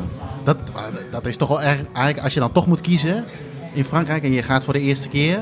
En je houdt een beetje van een rauw randje, dan ga je naar Marseille dus. Ja. Ja, Met, met, met wel, wat je erbij zegt, dan moet je wel van het rauwe randje Ja. houden. Dat is dus niet Ja. waar je met je vrouw naartoe Nee. gaat, voor de duidelijkheid. Nee, Nee, nee. en ja, dat- tenzij, tenzij Tenzij je van vrouw rauwe- ook- tenzij je vrouw Ja. natuurlijk van het rauwe randje Ja. houdt, dan wel. Nee, en, en dat zeg ik dus als, als Paris Saint-Germain man van, van vroeger. Want ik volg die club al twintig jaar. Ja. Maar als je het hebt over nou, waar wij toch een beetje van houden, echt de rauwe voetbalcultuur, eh, dan moet je in Marseille zijn, want dat is gewoon totaal anders dan in Parijs. Al moet ik zeggen dat je... Ehm, eh, eh, we kunnen gewoon inbreken. Wil je nog eentje, zeker. Eh, Lekker, Ja? ja? zeker. Zeg ik geen nee tegen. Ja, ja, zelf alsjeblieft. Maar als we kijken naar eh, Paris Saint-Germain, die hebben ook echt de naam bij, bij misschien de mensen die wat minder goed ingevoerd zijn. Daar, daar, daar schaar ik het eh, staanpubliek- eh, staantribune publiek niet onder. Maar dat, is, dat zie je ook gisteren tegen City. Daar hangt een fantastische sfeer. Ja. En eh, eigenlijk een sfeer die je in de Champions League misschien helemaal niet meer zo vaak ziet. Die hangt niet bij de Cities en bij de Bar- Barcelona's van deze wereld. Nee. En die vind je nog wel in Parijs. Dus als je het hebt over een club waar je je vrouw ook mee naartoe kan nemen. eh, Ik heb het ook wel eens gedaan onder het mom van we gaan winkelen in Parijs. en dan, hé hey, schat, ze spelen thuis. Ja, ja, ja. Ja, dan, dan is eh, Paris Saint-Germain ook een prachtclub. Zeker. En, en dan heb je, hè, je noemt, we hebben Marseille, fantastisch stadion. Eh, ook na de verbouwing zelfs nog, vind ik. Marseille, Parc des Princes, ook een goed, mooi stadion. Wa- wat zijn nog meer stadions waarvan jullie zeggen van, nou, weet je, dat valt, eh, die moet je een keer gezien hebben. Nou, dan kom ik wel terug bij het, eh, het WK van 98 weer. Wat ik zei dat ik echt heel geïnteresseerd was in al die stadions. En op een gegeven moment, laten we zo'n 7, 8 jaar geleden, kreeg ik door dat die allemaal gingen verdwijnen. Het Stade Velodrome werd, werd verbouwd. Is nog steeds fantastisch, daar niet van. Maar eh Gerland van Lyon, dat, Ja. dat verdween. Het Stade Ja- Jacques Sabandama van Bordeaux, dat ging ook weg. Ja. En die bestaan allemaal nog wel, maar daar wordt nu gerugbied. Dus als je daar nog nooit geweest bent in die stadions, kan dat wel heel leuk zijn. Dat is een leuke combi. Dus dan ga je en naar Bordeaux toe en kun je Ja, het stadion nog absoluut. zien, zeg maar. Ja. Ja. Maar plus, ehm, over twee jaar is weer het WK rugby in Frankrijk. Eh, en eigenlijk iedereen die de steden kent van, vanuit die voetbalclubs, dat zijn ook bijna allemaal wel de stadions waar gerugbied gaat worden. hè. Eh, Nantes, Bordeaux, Marseille, Nice, Lyon, eh, Parijs, eh, Lille ook trouwens. Ja, die stadions zijn allemaal al zo gemoderniseerd. Dus echt, als je het echt hebt over juweeltjes, zoals je ze in Engeland bijvoorbeeld nog wel eens kan vinden, dat heeft Frankrijk wel echt een stuk minder. Ja. Ja, Maar echt, echt gemoderniseerd naar de Ja, huidige maar- tijd, zeg nou, maar. maar ook een Ligue 2. Dus ook als je in Ligue 2 bent, dan heb je bijna alle stadions. eh zelfs Duinkerk had tot een paar jaar geleden had echt een, een, een heel, heel mooi en klein compact stadionnetje met een tribune aan de, met twee tribunes aan de lange zijdes. Achter de doel helemaal niks. Ja. Prachtig weg, we- weggewerkt in de woonwijk. Het ligt nog steeds in diezelfde woonwijk. Maar het stadion zelf is hypermodern. Je hebt, En, in, je hebt in Frankrijk heb je natuurlijk ook een soort toernooikoorts gehad met het eh, WK van 98, waarbij alles al een eerste keer... Nou, het begon al met 84 natuurlijk, het EK, als we ver teruggaan, waarvoor heel veel is eh, gebouwd en is gekomen. 98 is gemoderniseerd. Voor 2016 kwamen de grote nieuwe stadions werden, werden opgepakt, zeg maar. En toen heb je ook nog het vrouwen-WK gehad, Oh ja, waardoor bijvoorbeeld ja. de Lavre is ook opgepakt. En, eh, je, je, je, je- Valenciennes. Valenciennes is ook nieuw. Bak, Ja. Terwijl het oude stadion eh, Nu- Nungassé, Nungassé, daar kwam ik heel graag. Daar ben ik ook drie keer geweest. Ja, dat was, dat was heel mooi. Want dan had je, het is een relatief kleine club, 6000 toeschouwers zo gemiddeld. Maar daar konden er 12 in. En dan was het heel sfeervol. En nu zitten er nog steeds 6000 in een bak waar er 23.000 in kunnen met allemaal moderne stoelen. Ja, verander de clubnaam in Lille en zouden er zo in kunnen trekken, Ja, bij wijze ja. van. Maar om, om terug te komen op Nantes, dat vind ik dan nog wel een soort van laatste bolwerk. Ik, ik zeg wel eens van daar ruik je het EK 84 nog. Weet je wel, dat is, dat is heel veel bruut beton, ligt ook buiten de stad. Dus niet een klassiek mooi stadion in de, in de klassieke zin van het woord, zeg maar, zoals midden in een woonwijk, Mhm. eh, wat, wat, wat we toch allemaal een beetje mooi vinden. Eh, heel veel bruut beton, maar een fantastische sfeer. En daardoor ook wel eh, lekker rauw. Ja, nou, eh, en we hebben hem al genoemd, maar dat is Strasbourg. Dat is dus ook nog wel Absoluut. wat qua stadion, ook dus nog wel qua, ja, dat heeft nog wel dat esthetische, dat, dat, dat, dat oudere, dat rauwere. En, eh, en, en Brest heeft dat trouwens ook. Is wel wat ge- gemoderniseerd, maar heeft ook nog dat. dat plus, plus dat als je in Brest bent, je ook in een ander deel van Frankrijk waant. Want ja, we noemen net Corsica, maar eh, eh, de mensen in Bretagne voelen zich ook in eerste instantie Bretons en in tweede Dat zijn instantie de Friezen van, van, van Frankrijk Ja, eigenlijk. Ja. Eh, Is dat positief of negatief? N- Niet positief, nog negatief. Maar bijvoorbeeld daar merk je ook bijvoorbeeld weer heel veel Engelse invloeden. Eh, ja. Bretagne komt Ja. natuurlijk ook van Brittannië. En, en dat, dat merk je in de huizen, dat merk je ook op de tribunes. Eh Ren is dus ook een beetje, die hebben ook wel ultra's en dergelijke. Maar dat is bijvoorbeeld ook een hele leuke, club. mooie stad ook trouwens. Eh, maar dat, dat is ook wel weer, en dat vind ik het leuke aan Frankrijk. Dat je eigenlijk, je hebt zoveel, ik wil niet zeggen cultuur in één. Want de Franse cultuur staat natuurlijk overal bovenaan en daar zijn ze trots op. Ja. Maar daaronder heb je wel weer heel veel eh, subculturen die voor mijn gevoel... die je bijvoorbeeld in Spanje dan misschien wat minder hebt of zo. Eh, of laat ik het zo zeggen, dat ligt minder ver uit elkaar. Maar Ja. hoe, hoe ziet nou zo'n zo'n eh, cultuur, ja, dan kun je een link leggen naar voetbalcultuur. Hoe ziet nou een, een, een dag voor de gemiddelde Franse fan eruit? Hè? Je, je hebt wedstrijddag, matchday, hoe je het ook wil noemen. Je, je, moet eh, smiddags of 's avonds voetballen. Duiken zijn van tevoren de, een, een, soort van kroeg in? Of eh, hoe bereiden zij zich voor voor de wedstrijd? Nou, zeg maar, centreert zich wel rondom het stadion. En dat, dat, daar, daar worden hele braderieën opgetuigd met eh, biersteentjes, met, eh met, met met, met ook souvenirwinkeltjes en zo. Bijvoorbeeld als je naar Marseille gaat, dan is die, eh, die boulevard du Prado voor het stadion, die is helemaal, of boulevard Michelin moet ik zeggen, die is helemaal afgezet. En daar kan je uren van tevoren, kan je daar al niet meer langs. Maar doordat de ligging van de stadions vaak wel wat verder buiten de stad is, eh, een enkeling dagen later, moet dat ook allemaal wel op de wedstrijddag Ja. opgetuigd worden. Dus alles centreert zich wel redelijk rondom het stadion. En dan eh, ja, ve- veel ultragroeperingen ook. Dat, dan merk je toch wel dat je tegen Zuid-Europa aan zit.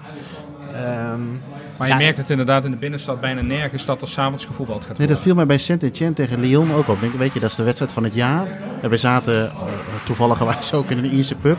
Maar we hadden helemaal niet het idee dat er wat gespeeld werd, zeg maar. Totdat je bij het stadion komt en, dan zie je ineens... en eh, andersom, ik was bij Saint-Etienne-Lyon en ze wonnen hem in de 90ste minuut. Stadion op zijn kop geweldig. Ik denk, hup, we gaan de stad in. Ja, Helemaal niks. niks. Gewoon uitgestorven, weet je wel. Hier en daar nog iemand die, eh, die een zwarmaatje kwam halen Ja. eh, voor, de nacht, weet je wel. Maar Mooi bruggetje, Swarma. ja, ik kan als auteur van de rubriek Stadionvoer kan ik er natuurlijk niet onderuit. Toevalligerwijs in het, even een verkooppraatje, laatste magazine van Staantribune staat een, uh, een stukje over het stokbroodje met hamburger bij Saint-Etienne die avond. Maar hoe, hoe, hoe is het stadionvoer in Frankrijk? Jij had het net al over die broodjes frikandel. Nou ja, dat is dan wel heel spe specifiek voor Lille en Valenciennes. Maar dat is het stokbroodje friet is sowieso natuurlijk iets Frans. Ja. Hè? Ik bedoel, dat kennen we in Nederland niet. Dus dat is wel echt iets heel typisch Frans. Ja, wat, wat legt het uit? Je krijgt een, een stokbrood, een lang stokbrood. Je krijgt echt een lang stokbrood. En het, is ook, en het is wel echt een stokbrood zoals je hem inderdaad ook gewoon uh, bij de bakker of bij de supermarkt koopt. Echt gewoon zo'n ding van bijna een meter lang. Ja. Ja, en die stouwen ze vol met friet en, en nagelang het stuk vlees wat je wil.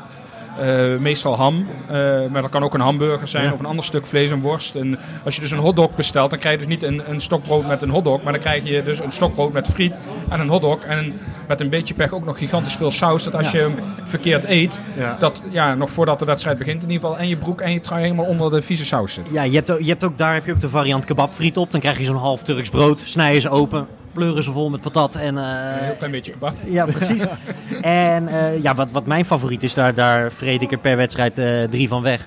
Dat zijn de broodjes met merguez. Dat is eigenlijk een Ja, soort hotdog. oh, maar ja, dat dan net wat pittiger. Dat komt uit Noord-Afrika. Gewoon een pittig worstje.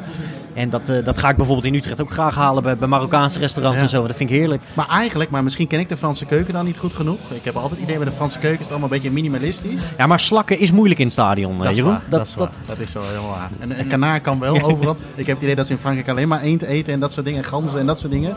Maar ik, dat viel mij ook op. Dat ik, wat ik zei in de intro, ik ben, ik ben in zeven potjes geweest. Maar het stadionvoer, als je dan inderdaad het stokbrood met friet. Het is eigenlijk altijd goed.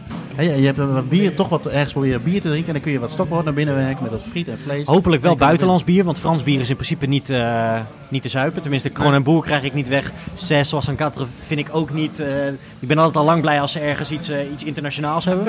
Dat, maar dat is persoonlijk, hè? Ja. Hey, en heb je ook een, een club die bijvoorbeeld niet typisch Frans is? En dan niet zozeer misschien de Afrikaanse eh, eh, eh, zijstapje, maar die eigenlijk een beetje, Nou, een beetje buitenbeentje. Meer steden in het algemeen. Weet je wel, we we hadden het natuurlijk net een beetje over de regionale verschillen. Dat je dan bij, bij Lens eh waan je een beetje in België. Bij Rennes misschien wel een beetje in, eh, in, eh, in Engeland. Strasbourg en Metz hebben ook wel wat Duits Dat is natuurlijk. invloeden, zeker. Ja. Ehm, Nice zou je onder iets. Dus niet, er is niet één club die, die zeg maar een totaal afwijkende signatuur heeft. Maar je ziet natuurlijk wel bepaalde regionale verschillen daartussen. Hey, en, Martijn, heb jij nog, nog eh, je bent veel in Frankrijk geweest, dat merk ik wel uit het, eh, we zijn inmiddels een uurtje onderweg. Eh, heb je nog wensen wat je in Frankrijk zou willen doen of willen zien qua voetbal? Eh, nou ja, een van mijn persoonlijke wensen is de Corsicaanse derby. Ehm, ik hoor dat iemand eh, kaarten kan Ja, regelen. ja, ja. Maar daar kan je dus ook gewoon kaarten voor kopen. Ja, eh, en, dan wil ik over, en dan wil ik overigens die derby wel zien in Bastia, niet in Ja. Ajax-show. Want? En Ajax, nou, dat, ja, dat heeft wel te maken met de geschiedenis van Bastia, die natuurlijk ook, als, eh, ook in Europa en dergelijke. Ja. Eh, en dan wel tegen het klassieke AC Ajax-show, want je hebt ook nog Gazzelec, eh, GFC Ajax-show. Ja. ook redelijk succesvol geweest in de recente jaren.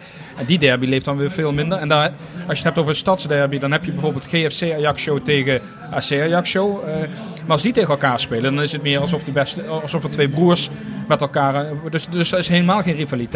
Hè? Eh, een beetje wat lokale eer. En in Bastia heb je ook nog Bastia Borgo bijvoorbeeld. Maar die Corsicaanse derby die staat wel hoog op het, op het, op het, op het verlanglijstje in ieder geval. Ehm, ja, dat is... eh, En, en, en ehm, die Coupe de France, hè, eh, we hebben hem nog helemaal niet benoemd hier. Nee. Ehm, persoonlijk vind ik dat dus het allermooiste bekertoernooi van Europa. Hè? Ik denk dat bij in Helemaal winnen de kleintjes altijd, volgens Ja. mij, heb ik is mijn gevoel. Nou, maar die kleintjes die maken dus ook veel meer kans inderdaad om, om ver te komen. Maar het is natuurlijk een heel raar, in, ingenieus systeem waar aan het begin van het seizoen ongeveer 1400 clubs mee mogen doen aan die Franse beker. Dus je moet het een beetje zien alsof zeg maar in Nederland alle vijfde en zesde en, en, en vierde klassers in één keer mee mogen doen. Ja. En toevallig drie keer op rij in de, dankzij een gunstige loting winnen van een andere vierde klasse. En dan in één keer uit de rol eh, komt in één keer Ajax rollen bij wijze van ja, spreken. ja. Ehm, en het mooie van, die, van, van, van de Coupe de France is daarbij ook nog eens een keer... is dat van al die uh, eilandenstaatjes die op de Stille Oceaan liggen... eh, heel, heel, heel ver weg, hè, eh, ergens tussen... tussen Frans-Polynesië. ja, en, eh, Frans-Polynesië, en- laatst eh, een ploeg uit, uit de buurt van Canada. eh, vorig jaar een ploeg uit... eh, Die doen allemaal mee. uit, Ja. Re- uit Réunion, hè, een Ja. eiland wat bij Madagaskar ligt. Ehm, er zijn altijd, elk jaar zijn er een stuk of tussen de 7 en de 12 clubs. Het varieert ook een beetje van in, in de vroege stadia eh, hoeveel ze winnen. Ja. Die komen op een gegeven moment in de, in de vijfde of in de zesde ronde van de Franse beker. Eh, Dat is één ronde voordat de, alle profclubs instromen. Mhm. Spelen die, eh, dan worden ze letterlijk naar Frankrijk gehaald. De Franse bond betaalt het ook allemaal. Wat goed. En twee jaar geleden was die ploeg uit Réunion bijvoorbeeld. Ja, die won dus die eerste wedstrijd. ja, ja, En die mochten daarna tegen Niort, wat uitkwam in Ligue 2. Ja. En die klopten ze ook. Waardoor ze dus in één keer bij de laatste 16 zaten. En toen verloren van Epinal, ook een amateurclub. Ja. En die mochten toen in de kwartfinale tegen, tegen Saint-Etienne. En daar ben ik toevallig dan weer naartoe geweest in de Franse beker. Eh, en ook maar met 2-1 verloor van Saint-Etienne, die dat jaar de, de finale haalde. Hè? Ja. Eh, dus die, ook die amateurclubs, eh, de clubs uit National 2, National 3 en soms zelfs Regionaal 1, hè, Mhm. regionaal 1, dus zeg maar het, eh, even snel, het zesde niveau. Ja, die komen gewoon heel vaak gewoon bij de laatste 16 of 32 Sterker van nog, Franse sterker beker. nog, we hebben Les Herbiers hebben we in de finale gehad in 2018. Ja, die tuurlijk. degradeerden dat jaar uit, Ja. eh, uit de Nationaal 1. Dus Ja. die, die, die vlogen eruit. Maar die haalden wel de bekerfinale tegen Paris Saint-Germain. Ja. Verloren We- maar met 2-0 ook. Ja, en we hebben Calais gehad in het begin van de eeuw. Ik dacht tegen Nantes. Geloof ik naar verlenging of in de 90ste minuut verloren of zo. Want je, dus, hebt- je dus hebt dat twee is wel bijzonder. bekertoernooien toch ook in Ja, Frankrijk? de, de niet? Coupe de la Ligue is afgeschaft. de League, maar is dat is, eh, afgeschaft, en dat was de League Cup, dus dat was Ja, alleen maar ja, met ja. clubs uit League maar, die, maar, die, maar die kleine clubs worden dus ingevlogen in... die- van de archipellen en, en, en Als zij ver genoeg komen, ja, ja. Ja. Ja. Het mooiste Maar was natuurlijk eigenlijk geweest dat ze daar een veldje hadden gehad. Ja. Is helemaal, eh, maar goed, Ja, laten we niet te veel... eh, Nee, dat, dat, ja, ja, eh, Paris Saint-Germain tussen de palmbomen met al die sterren. Dat, dat moet Maar, fantastisch maar, zijn. maar over wensen, dat is wel een. Dus als, als zeg maar. Het, nu kan het weer normaal. Maar als weer zo'n ploeg uit, uit, uit Verwegistan Ja. weer een keer bij de laatste 16 of 32 komt. Ongeacht wie de tegenstander wordt. Dan is dat er wel eentje om, om naartoe te gaan. En, en waar spelen die dan? Ja, La- eh, die club uit La Réunion die speelde toen, ik dacht in Lille, in het nieuwe stadion. Maar dat was ook gelijk een verzamelplaats voor alles wat eh, bloed heeft van mensen van La Réunion. Dus dat, was, dat had meer iets van een interlandweg, maar wel onder een fantastische sfeer. Zeg maar, uit, eh, uit alle hoeken van Frankrijk Ja. waren mensen met een achtergrond op La Réunion waren naar, naar die wedstrijd gekomen.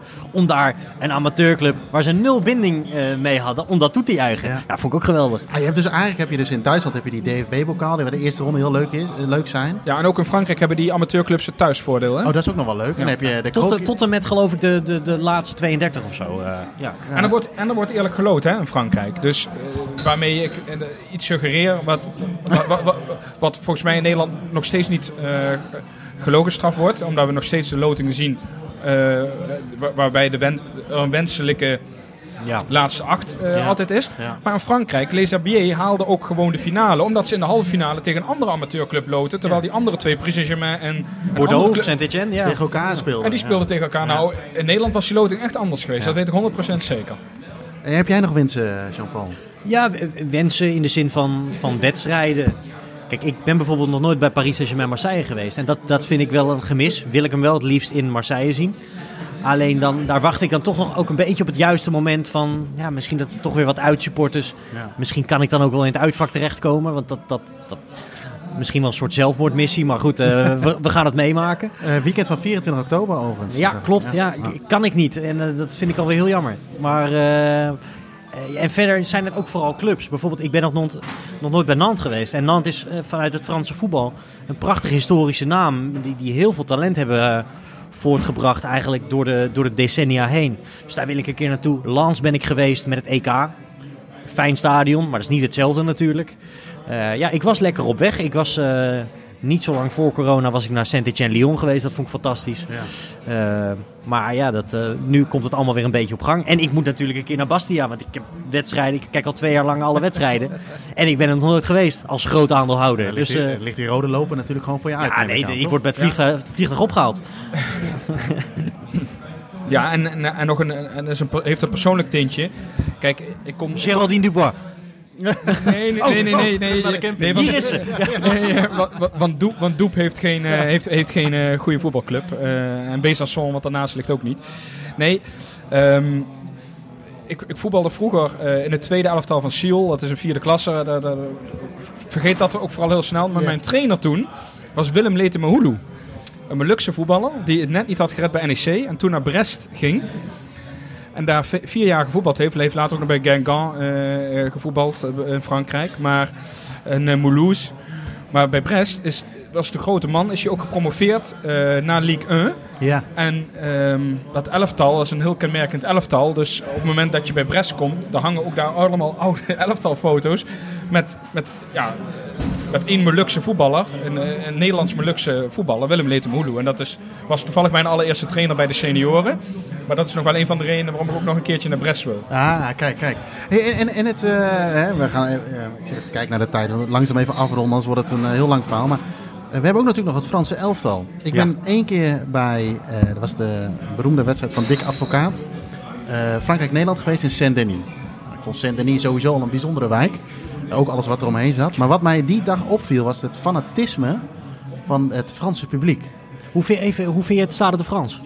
Vind ik namelijk voor een nieuw stadion, en het is natuurlijk ook de historische, Nee, zijn ja, ik vond het mooi. wereldkampioen geworden. Ja. Ik vind het een prachtig stadion. Je Ja. zit alleen een beetje ver van het veld. Dat is zeker waar, maar ik denk dat eh, die wedstrijd, eh, volgens mij verloor Nederland met 3-0 volgens mij. We begonnen lekker met snijden, kon allemaal goed. 4-0, 4-3 punten voor. Ja, zoiets. Eh, en, eh, maar ik vond de sfeer gewoon heel goed. Ja. Dat, dat was, eh, misschien komt dat ook een beetje omdat wij wellicht het Nederlands elftal publiek gewend zijn of eh, dat soort dingen. Maar ik vond het zo, en eh, het begint dan natuurlijk al bij het volkslied, vond ik al fantastisch om te horen. Eh, en, maar die hele wedstrijd was gewoon gaaf. Is dat altijd zo bij het Franse elftal? Nou, Fransen staan dan natuurlijk wel redelijk eh, bekend om hun chauvinisme. Dat is Eh, niet voor niks een Frans woord. Nee, precies. Eh, ik moet zeggen, die sfeer ja, die, die is wel beter dan bij het Nederlands elftal. Eh, maar ik heb dat heel verschillend meegemaakt. Ik ben bijvoorbeeld op het EK van 2016 ben ik naar Frankrijk, Albanië geweest, in Marseille. Fantastische sfeer, dan merk je dat het een voetbalstad is. Ehm, drie weken later was ik ook bij de wedstrijd tegen Duitsland, de halve finale. Daar had je dat ook heel erg, weet je wel, fanatisme. En toen ging ik naar de finale tegen Portugal en daar miste je dat dan weer een beetje. Er zaten natuurlijk ook eh, 80% sponsoren. Ja. Maar ik ben het wel met je eens dat je dat, dat sfeertje en zingen heb je daar meer dan bijvoorbeeld bij het Nederlands elftal. Ja, ja. En de finale zit misschien ook natuurlijk weer wat spanning op. Ben je wel eens bij een interland geweest van eh, waar Frankrijk... eh, Ja, maar alleen bij het rugby. Dat is namelijk een sport waar ik ook Dat enorm wil ik van ook nog hou. heel graag een keer. En daar heb ik Frankrijk toevallig al twee keer in actie gezien. In het Stade, Stade de France, ja. In Saint-Denis.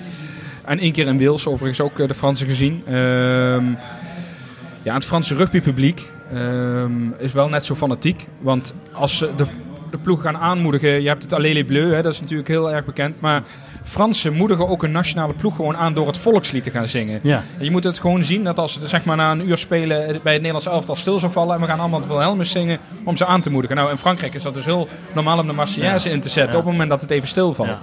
Eh, dat zit ik- ook in dat chauvinisme wel in. Het, zit, het zit ook wel in het volkslied. Kijk, ik, ik, heb, ik krijg... Ik, Het is een mooi volkslied. Ja, ik krijg zeker bij een interland, als het Wilhelmus gespeeld wordt op het dan krijg ik kippenvel, 100%. En dan ben ik nog, dan ben ik nog import, hè? dus dat, dat, dat is al, dat zegt al wat.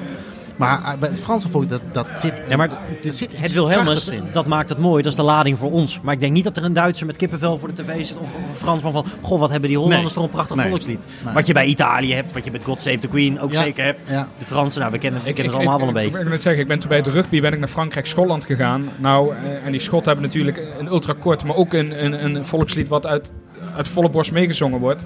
Ja, dat is wel heel leuk in steden van 70.000 Fransen die het volkslied meezingen. En vervolgens 10.000 Schotten die net zo hard zingen als die 70.000 Ja, Fransen. Ja, Dat, dat is wel heel mooi. Maar eh, ik heb zelf heel weinig met interlandvoetbal.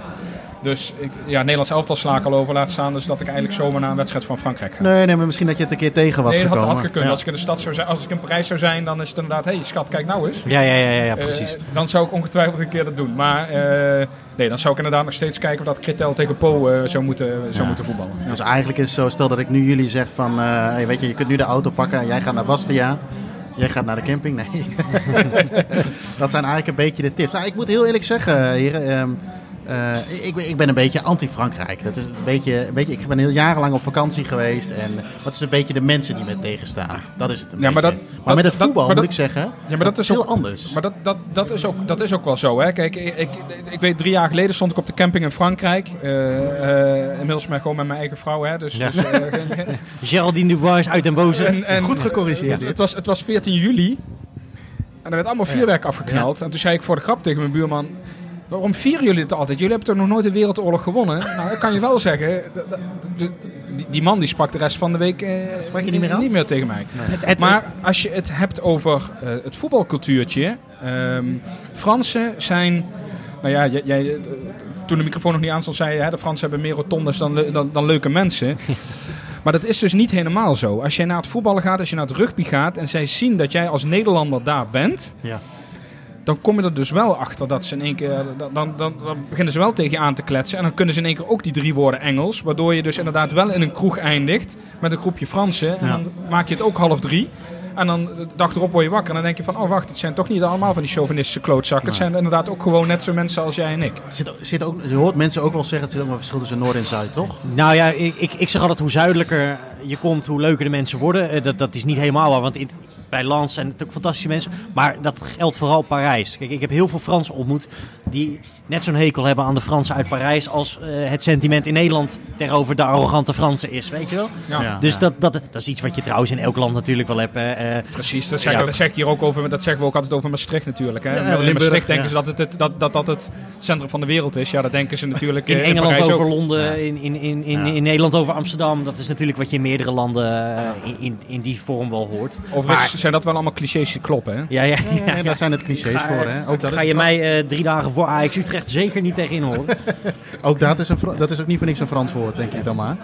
Eh, overigens, daar heeft Theo Maas ooit een heel mooi stukje van gemaakt, met Franse woorden, in de, in de Nederlandse taal. Je gaat het zeker even googlen.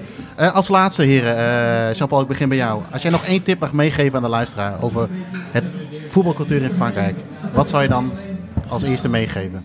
Of als laatste eigenlijk? Ga naar een mooie derby.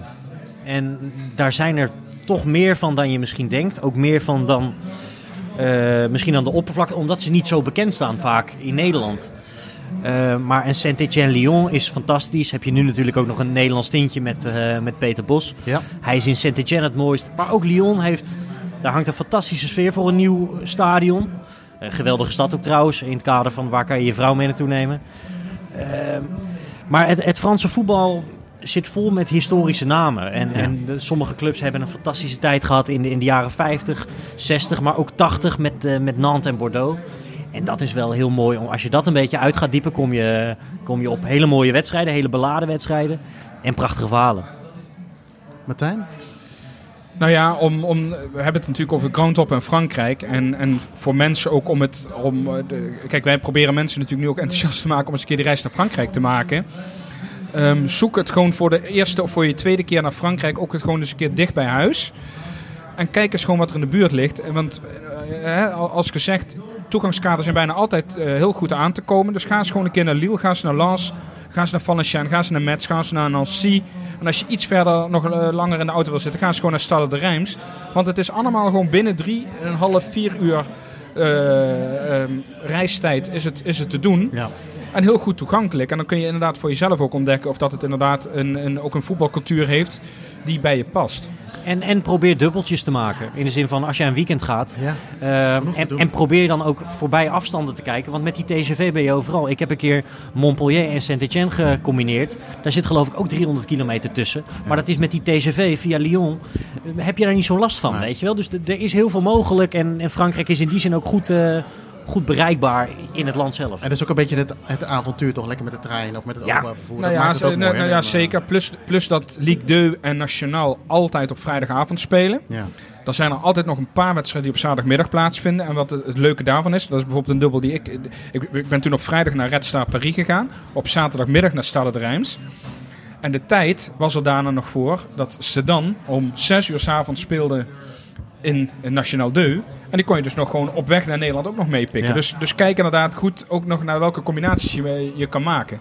Nou, ik denk dat dat een hele goede, goede tips zijn. Eh, heren, mag ik jullie bedanken? Ik denk dat we eh, op de vraag die we aan het begin zeiden van is Frankrijk het vergeten groundhopland in Europa? Ja, ik denk dat we daar wel een beetje in ieder geval wat tips voor hebben gekregen om dat te kunnen ervaren. Ja, en misschien, kijk, als je er niet bekend mee bent, ga het ook, als we het echt, over het voetbal hebben, ga het kijken op tv. Het komt nu natuurlijk Ja. in Nederland op Ja. tv.